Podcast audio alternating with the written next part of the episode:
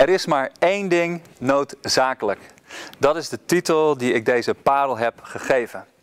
En als we denken aan noodzakelijke dingen, belangrijke dingen in het leven, dan zijn er allerlei dingen die wij waarde geven. Maar als we kijken wat is nou echt noodzakelijk, dan komen we al heel snel uit bij primaire levensbehoeften.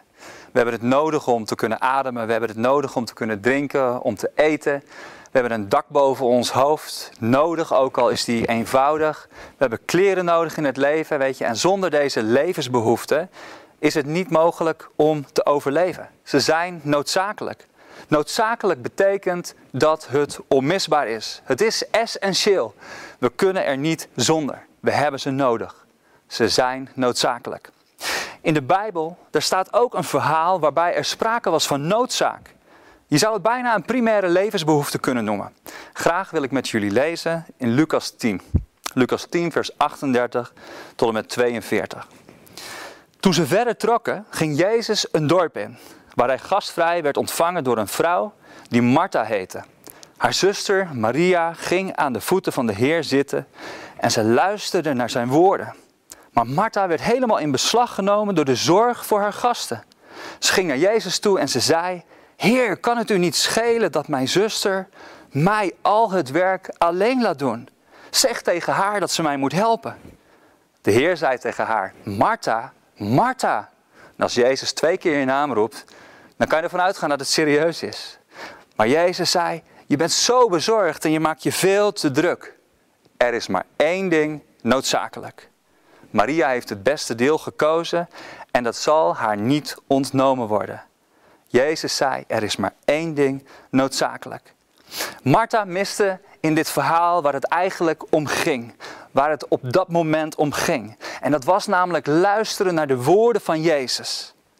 Aan zijn voeten zijn. Daar plaatsnemen. En weet je, aan de voeten van een leermeester. Dat is de plaats waar volgelingen, waar discipelen onderricht ontvingen. Dat was de plaats waar Maria plaatsnam. Waarom was het noodzaak voor Maria om plaats te nemen aan de voeten van Jezus?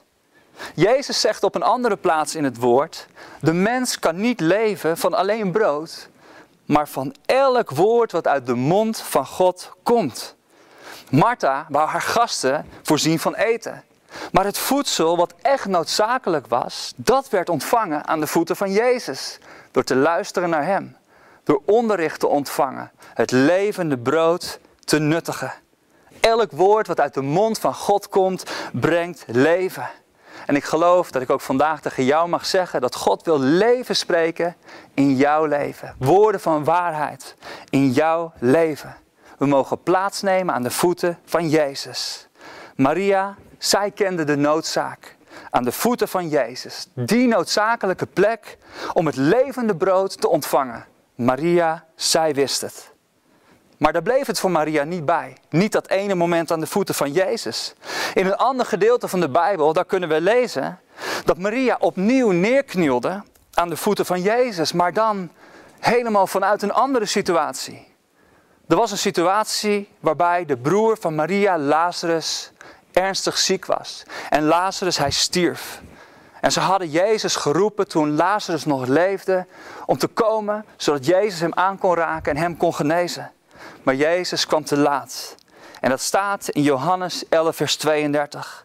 Jezus die kwam daar. Zodra Maria op de plek kwam waar Jezus was en hem zag, viel ze aan zijn voeten neer. Ze zei, als u hier was geweest, Heer, dan zou mijn broer niet gestorven zijn. Maria dacht dat het te laat was. Maria viel neer bij de voeten van Jezus in haar pijn en ellende. Als er wanhoop, verdriet of pijn is in ons leven, dan is de beste plek om te komen en te zijn aan de voeten van Jezus. Zodat Hij ons kan aanraken met zijn liefdevolle hand en hoop kan brengen. Er is maar één ding noodzakelijk. Aan de voeten van Jezus verblijven. Maria, zij legde haar las neer bij de voeten van Jezus. Psalm 55, vers 23, daar staat: Leg uw last op de Heer en Hij zal u steunen. Nooit zal Hij dulden dat een rechtvaardige ten val komt. Jezus wil je graag steunen in moeilijke situaties. We mogen ons verdriet, onze intense pijn die we soms ervaren in het leven, aan Hem geven. Hij zal jou en mij ook steunen op die en in dat soort situaties. En gelukkig werd het verdriet wat Maria had al snel veranderd in blijdschap.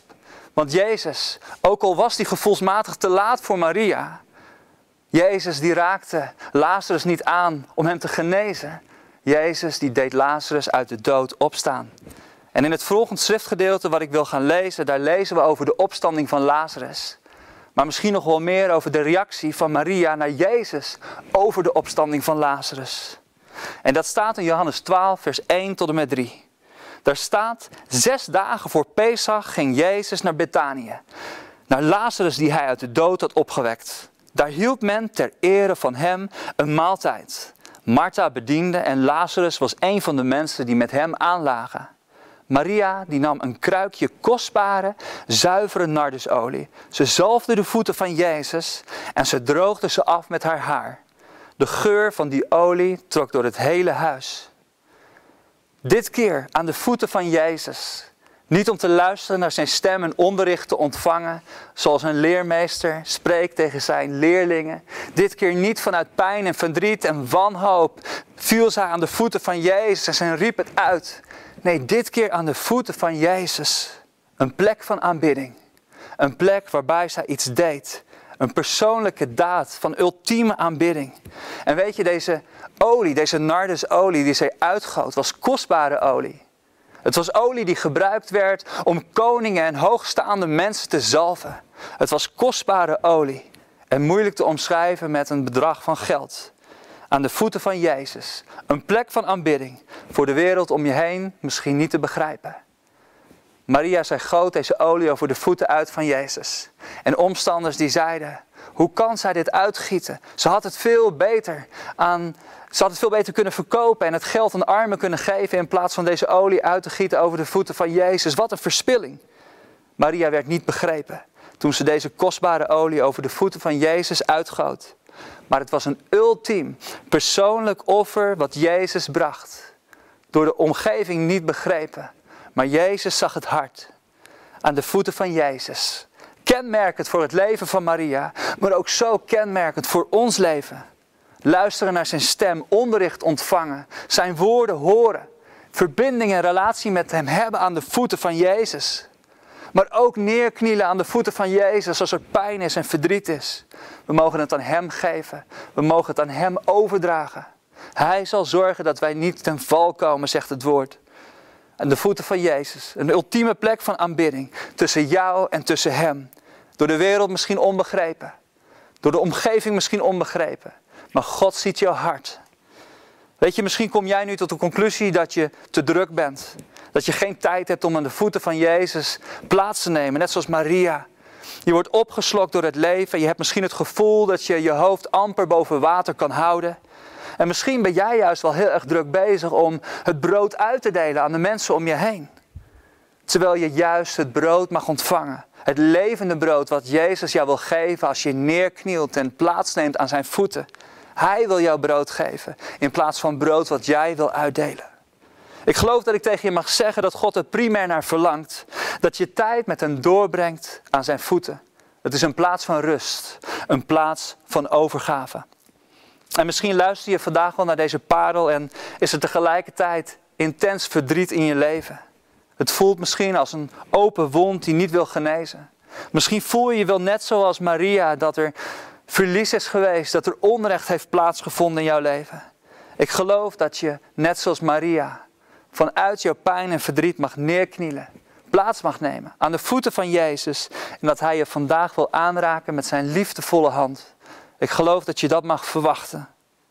Er zijn in het leven veel dingen die we kunnen doen. En vele zijn mooi en goed. Maar één ding is noodzakelijk. En dat is iedere dag een moment verblijven aan de voeten van Jezus. Het is een plek van leven, van hoop, van intimiteit, van aanbidding. Een plek waar je in ultieme verbinding staat met Jezus. Een primaire levensbehoefte, een noodzakelijk goed. Amen.